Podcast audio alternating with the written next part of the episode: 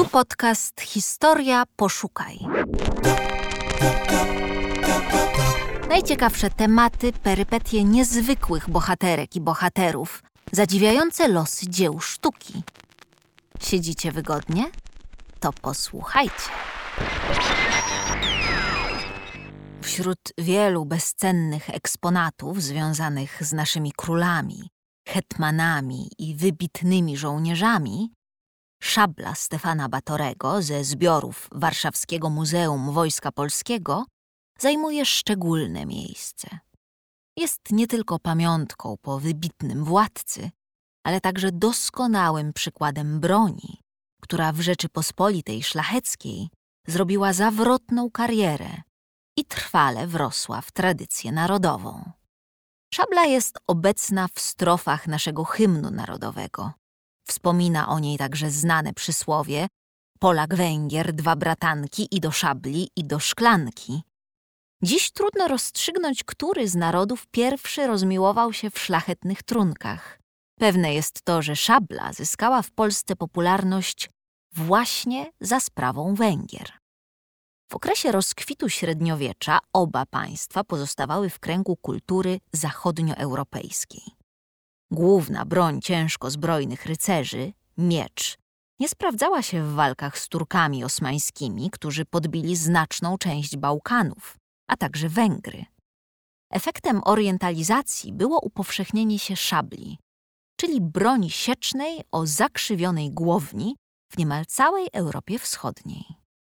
Stała się atrybutem wszystkich armii o charakterze kawaleryjskim, a więc tatarskiej, moskiewskiej, mołdawskiej, ale także węgierskiej, siedmiogrodzkiej oraz polskiej i litewskiej. Szable były używane u nas już na przełomie XV i XVI wieku. Dzisiaj widzimy je m.in. na wspaniałym obrazie przedstawiającym bitwę pod Orszą, gdzie stanowią uzbrojenie husarzy.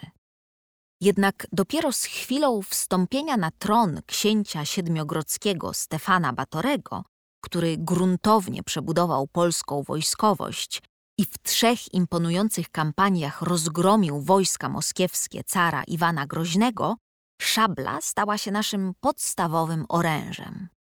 Bez zaangażowania na wschodzie, bez Unii z Litwą, bez Wołynia, Podola i Ukrainy nie byłoby też zapewne polskiej szabli.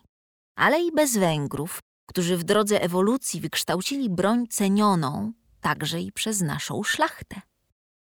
Szablę, przypisywaną Batoremu, podarowaną niegdyś Augustowi II i przechowywaną w drezdeńskich zbiorach królewskich, zakupił wiedeński antykwariusz Szymon Schwarz i przekazał w 1928 roku do Muzeum Wojska.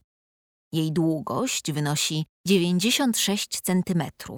Głownia, zwana także brzeszczotem lub klingą, mierzy 84 cm i posiada tak zwany młotek, czyli konstrukcyjny uskok na grzbiecie, który wyodrębnia dolną część głowni, czyli ostry sztych. Na płazie zewnętrznym znajduje się ornament lew. Rękojeść posiada bardzo długi jelec oraz wąsy, elementy charakterystyczne dla wczesnych szabel węgierskich i jest zakończona lekko pochyloną ku przodowi migdałowatą głowicą. Trzon rękojeści zrobiono z drewna i obciągnięto skórą. Drewniana pochwa, także pokryta skórą, posiada okucia i skórzane rapcie, czyli pasy służące do przypasania szabli. Broń bogato udekorowano motywami roślinnymi oraz srebrzeniami i złoceniami. Datowana na lata 60. XVI wieku, należy do najpiękniejszych Węgierek w polskich zbiorach. Jak wyglądała typowa Węgierka? Dlaczego Polacy tak ją polubili?